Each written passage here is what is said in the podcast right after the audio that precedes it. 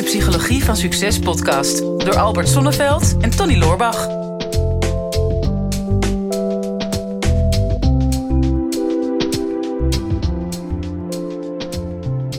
Heb je nog een beetje zin in, eh, Albert? Weer een podcast opnemen? Altijd. Het Het is zo.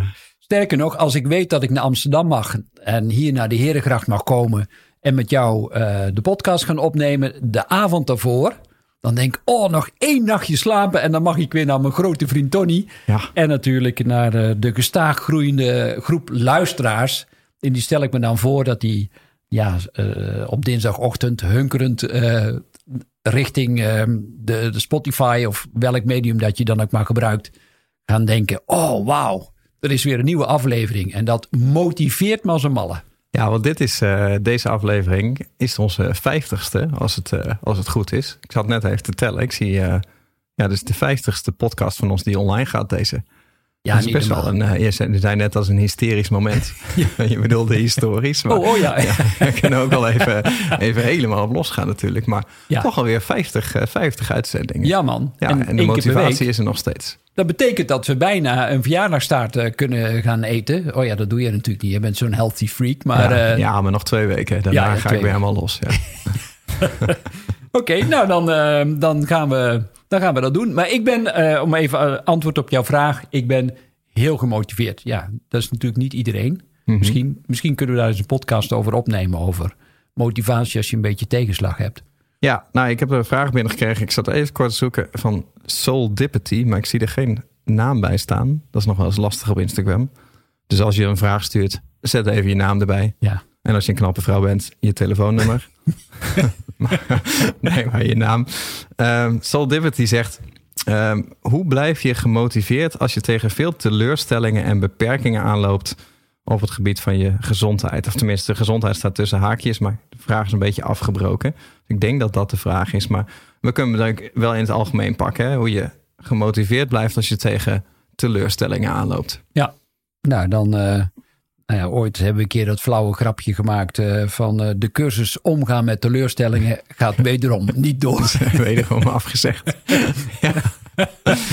En ehm, ja, teleurstelling heeft natuurlijk te maken met verwachting. Mhm. En zeker in deze tijd, waarin we ook via de social media.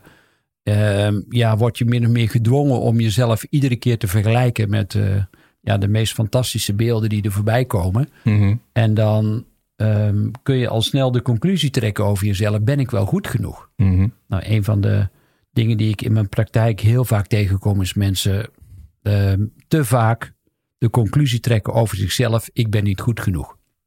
Mhm. Dus wat mag je, wat is reëel en wat is goed genoeg? Kun je, durf je dat al, durf die vraag aan jezelf te stellen?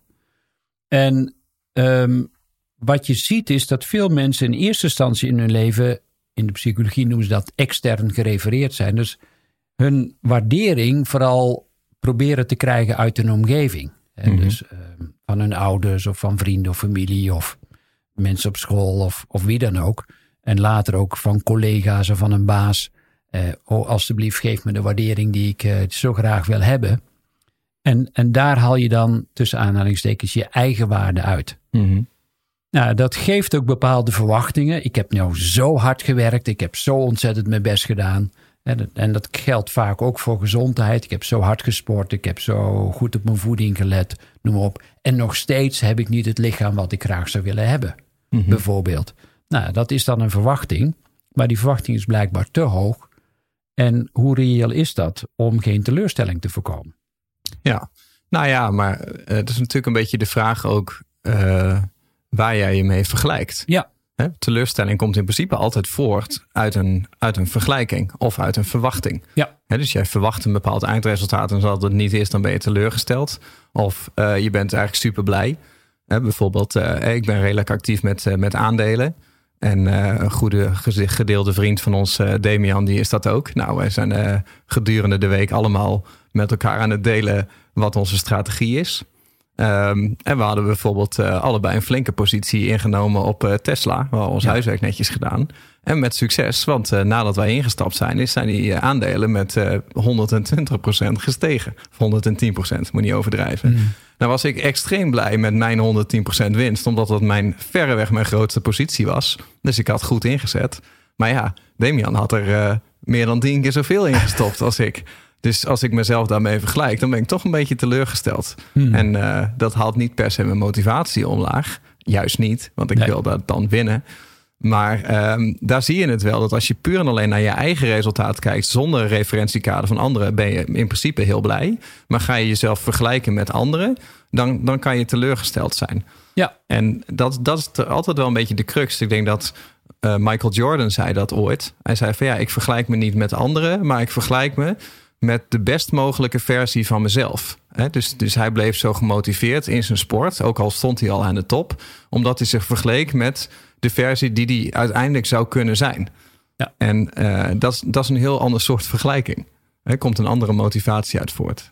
Ja, en dan, en dan komen we weer terug op het woord motivatie. Hè? Want dat is zo fascinerend. Um, wat ik altijd zeg, je kunt anderen niet motiveren. Je kunt alleen jezelf motiveren. Mm je, kunt wel een omgeving creëren waarin anderen uit worden genodigd om um, ja, hun intrinsieke motivatie aan te zetten. Maar als je voor jezelf kijkt, hoe kan ik mezelf gemotiveerd houden bij tegenslagen? Dan zul je eerst ook moeten kijken naar wat zijn mijn intrinsieke drijfveren. Mm En we hebben het er al eens eerder over gehad. Hè? De dieper liggende waarden of de six human needs dat zijn de drijfveren die uiteindelijk ieder mens in meer of mindere mate aanwendt om in beweging te blijven. Mhm. En het, ja, het verbaast me altijd weer dat als je ernaar vraagt, uiteindelijk maar heel weinig mensen weten wat drijft me nu altijd. Hè? Ze, ze komen s morgens uit bed en ze mhm. doen hun ochtendplasje en ze sloffen zo de dag in. En anderen beginnen wat fanatieker. Maar dan nog, als je dan halverwege de dag vraagt: goh, wat, wat drijft je nu? Of wat ik altijd een beetje bewijzen van grap zeg: waar krijg jij een warm oorlelletje van? Hm. Ja, dan, dan krijg ik vaak wat, wat vage termen. Ja, ik vind het leuk om te werken met andere mensen. Mhm. Of uh, ja, ik vind het fijn om succes te hebben. Uh, maar, maar wat is het dan? En dat is wat ik in mijn praktijk ook altijd doe, is doorvragen, maar ja, wat betekent succes nou voor jou? Of wat mhm. betekent dan die verbinding met de andere mensen? Uh, vage termen zoals, ja, wat mij drijft is liefde. Mhm. Ja, als je tien mensen of twintig mensen van de straat plukt en vraagt wat betekent liefde voor jou, mhm. dan krijg je twintig verschillende antwoorden. Ja. En het gaat juist altijd over dat ene woord bijvoorbeeld voor de een betekent liefde verbinding, de andere intimiteit, weer voor iemand anders de mogelijkheid om te delen. Maar wat betekent het voor jou? Mhm. En uh, als dat dan verbinding is, dan komt de volgende. Hoe ziet er dat dan uit in gedrag? Mm dus het is leuk dat je zegt, verbinding motiveert me om de dingen te doen die ik graag wil doen. Maar dagdagelijks, hoe kan ik dan naar jou zien? Uh, waardoor dat verbinding zo'n belangrijk ding is in je leven. Ja. En hoe, hoe zie je dat dan? Want we hebben in een eerdere podcast hebben we wel eens benoemd van hè, het lichaam is trager dan de geest. Ja. Oftewel, jij kan in je hoofd kan je al een doel bereikt hebben, maar uh, dan moet je je lichaam er nog naartoe brengen. dus jij beschreef het vorige keer als je, je kan in je hoofd kan je al uh, op vakantie in Curaçao zijn en uh, in, je, in je hoofd kan je al aan het strand liggen met een cocktail in je hand, maar je moet je lichaam er nog naartoe brengen. Ja. En je lichaam moet daarvoor door een bepaalde weerstand heen ja. om daar te komen. Nou gaat het redelijk vanzelf als jij in een Boeing gaat zitten. Um, want dan wordt die weerstand wel door die Boeing voor jou doorbroken. Hè? Dat kost minder energie. Maar zo is het natuurlijk met heel veel doelen die je wil bereiken. Van er zit een bepaalde tijd tussen. Ja, um, en, een bepaalde obstakels die je moet overwinnen. Altijd. Ja. En omdat deze vraag gaat natuurlijk specifiek over uh, je gezondheid. Hè? Dus hmm. daar is ook het lichaam is trager dan de geest. Ja, als jij te maken krijgt met uh, fysieke beperkingen of problemen in je gezondheid. Ja. Um, dan zul je merken dat je in je hoofd alweer gezond bent denk ik, in sommige gevallen, afgezien van hè, bepaalde aandoeningen. Maar dat je lichaam natuurlijk nog niet mee wil. Nee. Ik kan me voorstellen dat dat inderdaad heel demotiverend werkt. Als jij uh, uh, in je hoofd bepaalde progressie wil boeken en er al bent, maar je lichaam nog niet meekrijgt. Nee. En dat is ook het lastige. Je kunt je lijf nooit voor de gek houden. Dus dus we, ja, we denken altijd wel dat we veel van het lichaam afweten. Maar we weten eigenlijk nog zo ongelooflijk weinig van het lichaam. wat ik Mhm. altijd zeg, een mens bestaat uit ongeveer duizend triljoen cellen. Ehm, dat is gigantisch. En iedere cel heeft ongeveer 100.000 chemische reacties per seconde. Mhm. Nou, als ik die getallen noem, dan zal je misschien luisteren en denken: oh wauw, dat is veel. Maar je hebt geen idee hoeveel dat het is. Dat, Mhm. dat die hele biochemische fabriek van 10 miljoen cellen per seconde die doodgaan in je lichaam, maar ook 10 miljoen cellen die per seconde worden geboren in je Mhm. lijf. Dus je zou iedere seconde beschuit met muisje kunnen eten, hè? want Ja. er, er wordt weer een nieuwe versie van jezelf geboren. Ja, maar als je, dat, als je dat iedere seconde blijft doen, dan, dan blijf je niet oneindig geboren worden. Op een gegeven moment is het dan wel afgelopen. Ja, maar dat is toch super fascinerend. En, en, en die cellen hebben maar één taak, weet je, namelijk de andere cellen ondersteunen. Mhm. En, ehm, maar we weten nog maar zo weinig van wat die cellen dan precies doen en hoe dat dan precies werkt. En dan op internet dan krijg je allerlei fantastische tips hoe je jezelf optimaal in gezondheid kunt brengen.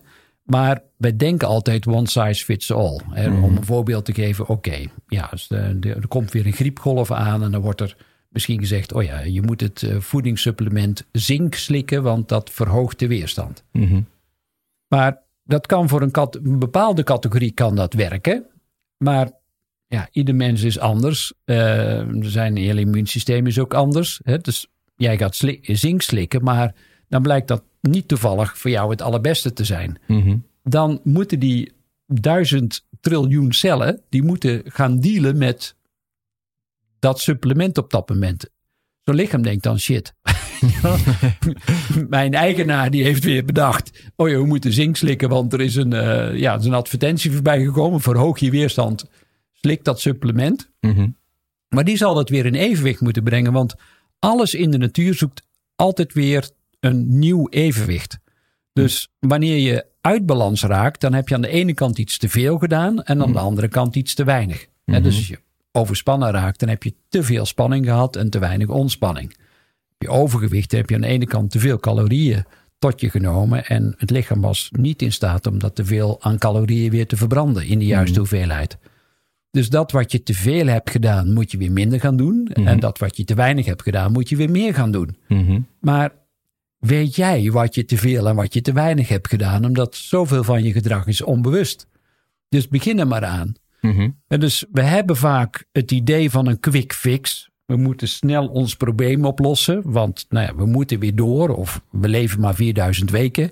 Eh, dus eh, we opzij, opzij, opzij.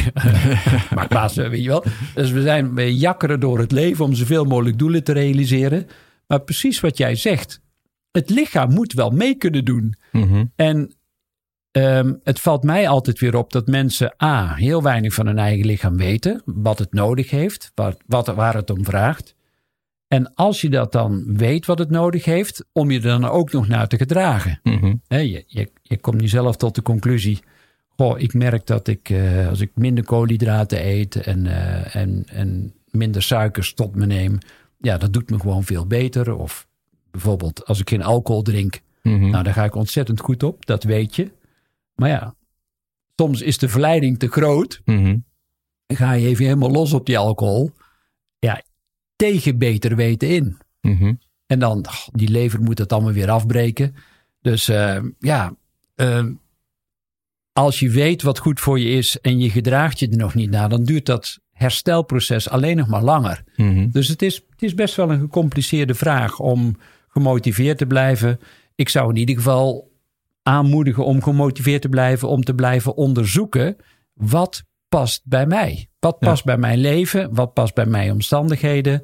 En wat past bij mij betekent welke voeding past bij mij, welke beweging past bij mij, welke herstelmomenten passen bij mij, welke gedachten passen bij mij, welke peergroep, welke groep mensen om me heen past bij mij en wat drijft mij van binnenuit. Dus dat zijn veel vragen die je te beantwoorden hebt voordat je überhaupt maar kunt zeggen, Mhm.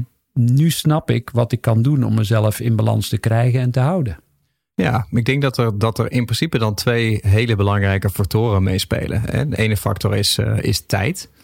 En de andere is het, ehm, het verkleinen van het doel. Hè, dus ik gaf net al aan van ik kan tevreden zijn met mijn eigen resultaat. Maar als ik het vergelijk met een beter resultaat van een ander, dan kan me dat alsnog ontevreden maken en mijn Ja. motivatie minder maken. Dat heb ik als ondernemer ook vaak ervaren. Hè, was ik als ik naar mijn eigen business keek, best wel tevreden.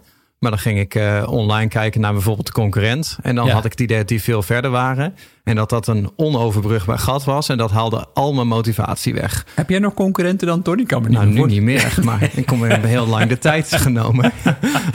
Dat nee, is die heb ik allemaal al lang weggevaagd. Maar, eh, nee, maar kijk, ehm, op het moment dat jij... ehm, la- laten we eens een, eh, een, een doel noemen. Hè? Op het moment dat je zegt van nou, ik wil graag 5 kilo afvallen. Ik noem Ja. maar iets. Op het moment dat jij dan de hele dag geen koolhydraten eet en geen alcohol drinkt en alle suikers weglaat. Je denkt, nou, hè, mijn trainer zegt ik moet alleen maar vlees, vis en groente eten, want dat, dat werkt. En je gaat de volgende dag op de weegschaal staan en je bent geen 5 kilo lichter. Dan kan je denk ik teleurgesteld zijn dat dat nog niet gelukt is. En dan gaat je motivatie weg. Maar als je zegt van in plaats van een dag de tijd, heb ik eh, een maand de tijd om die 5 kilo te verliezen. Dan wordt het ineens een heel ander spelletje. Hè? Dus dan, dan, dan wordt het ook eh, meer haalbaar voor jou. Dus ik denk dat tijd daarvoor een hele belangrijke is. Dat Ja. je jezelf de tijd moet gunnen om een bepaald doel te bereiken, wat ook daadwerkelijk haalbaar is. Op het moment dat ik een concurrent zie die jaren op mij voor ligt. En ik haal het mezelf in mijn hoofd dat ik dat eigenlijk de volgende week dat ik dat gat gedicht moet hebben. Ja. Dan zal ik daar geen enkele vorm van motivatie voor hebben. Want dat is gedoemd om te mislukken. Dus het begint met tijd. En vervolgens eh, is dus de volgende factor is het tastbaar maken van een resultaat wat je ook daadwerkelijk kan behalen. Je kan niet in één keer eh, je, je complete lichaam veranderen van maandag op dinsdag. Je kan niet in één keer je bedrijf tien keer zo groot maken. Je kan dat soort eh, nieuwe vormen kan je niet in één keer realiseren. Dus je zult iets moeten vinden waarvan je denkt van dit is een haalbaar doel voor mij. Hè? Van ik kan mezelf nu één keer eh, opdrukken s ochtends. Ja. Mijn doel is om daar naar vijf keer te gaan. Niet naar honderd, maar naar vijf. En op het moment dat je een tastbaar doel hebt en een bepaalde tijd waarin je dat kan halen en je merkt progressie, dan zul je zien dat eh, progressie eigenlijk motivatie ademt. Op het moment dat er geen progressie is, dan verdwijnt alle motivatie. Op het moment dat er wel zichtbare progressie is, dan blijft vaak je motivatie en dan wordt er dan gesterkt. En ik denk dat het ook is op het moment dat je een fysieke uitdaging krijgt. Hè? Je belandt in het ziekenhuis, of je krijgt een ziekte, of je breekt een been, of je hebt op wat, dan, wat voor vorm dan ook ineens een obstakel. Dat je voor jezelf gewoon gaat herdefiniëren van nou oké, misschien zal ik nooit meer mijn ideaalbeeld bereiken wat zonder deze fysieke aandoening of ziekte had gekund. Ja. Maar ik ga nadenken over wat er wel haalbaar zou zijn. Dat wordt mijn nieuwe doel. En ik ga kijken of er iets van progressie is tussen waar ik nu zit en wat uiteindelijk haalbaar is. En als je dat merkt, dan, dan denk ik dat je het voor jezelf makkelijker maakt om gemotiveerd te blijven. Ja.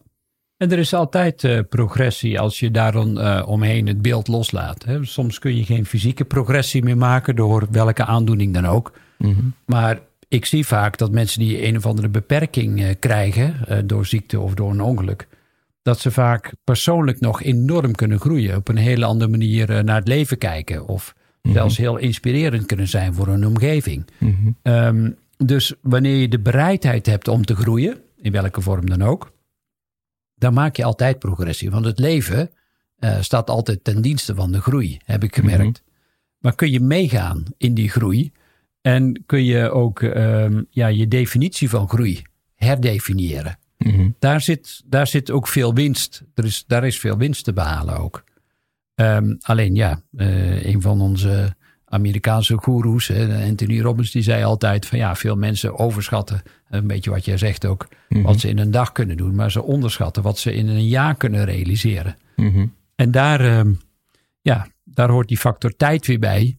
En je hebt de tijd. Het feit dat je nu op aarde rondloopt wil zeggen dat je bestaansrecht hebt, want anders was je er niet geweest. dus het feit dat je er bent is al genoeg. En ja, als je ehm, je realiseert, want dat realiseer ik mezelf steeds meer, er is alleen maar nu. Want als je op je horloge kijkt en ik vraag hoe laat is het nu, hè, dan is het nu zo laat. Maar als je over eh, vijf minuten op de horloge kijkt, is het weer nu. Hè, dus ehm, veel mensen worstelen ook met tijd. En tijd en ruimte, die, die bepalen uiteindelijk de ervaring die je hebt. Dus wil je een, een positieve ervaring hebben in het nu, dan zul je eh, ja, tijd en ervaring moeten gaan bijschalen voor jezelf. Mhm. Lijkt mij een, eh, een perfecte afsluiter van deze podcast. Ja, nou, ehm, zullen we nog ehm, één mogelijkheid bieden voor mensen die een ervaring willen? Ja, zeker. Dan moet je het wel snel doen, want we hebben nog 30 seconden. Oh ja, nou, dan, dan ik het heel snel ja, doen. voel de druk, hè? Ja, Ja, we hebben geen Nou, tijd. Nou, wij krijgen, wij krijgen steeds meer vragen. We vinden het heel leuk. Maar blijf die vragen ook sturen. Want wij hebben er zoveel lol aan zelf om eh, met deze podcast door te gaan. Dat je altijd een berichtje kunt sturen naar eh, LinkedIn of Instagram, naar Tony of naar Albert. En dan eh, is er een grote kans dat je sowieso met je vraag in onze podcast komt. Ja, we hebben alle tijd en motivatie om daar iets mee te doen. Dit is de Psychologie van Succes podcast door Albert Sonneveld en Tony Loorbach. Ja, beste luisteraars, dat was hem alweer voor vandaag. Weer een aflevering voorbij van eh, de Psychologie van Succes. Ik hoop dat je het waardevol hebt gevonden en ehm, wat je ons dat ook zou willen laten weten. Eh, mocht je nog niet geabonneerd zijn op onze podcast, doe dat dan even. En wat we heel erg tof zouden vinden, is als je ook even een review zou willen achterlaten. We vinden het natuurlijk heel leuk om te horen van jou wat je van de podcast vond, welke inzichten je eruit hebt gehaald. En om dat natuurlijk in de review-sectie terug te gaan lezen. Heb je nou een vraag en je zou graag met jouw vraag in de uitzending willen komen? Stel hem dan op eh, de social media. Onze kanalen zijn vooral LinkedIn en natuurlijk Instagram. De beste vragen pakken we eruit en grote kans dat je dan terugkomt in deze podcast.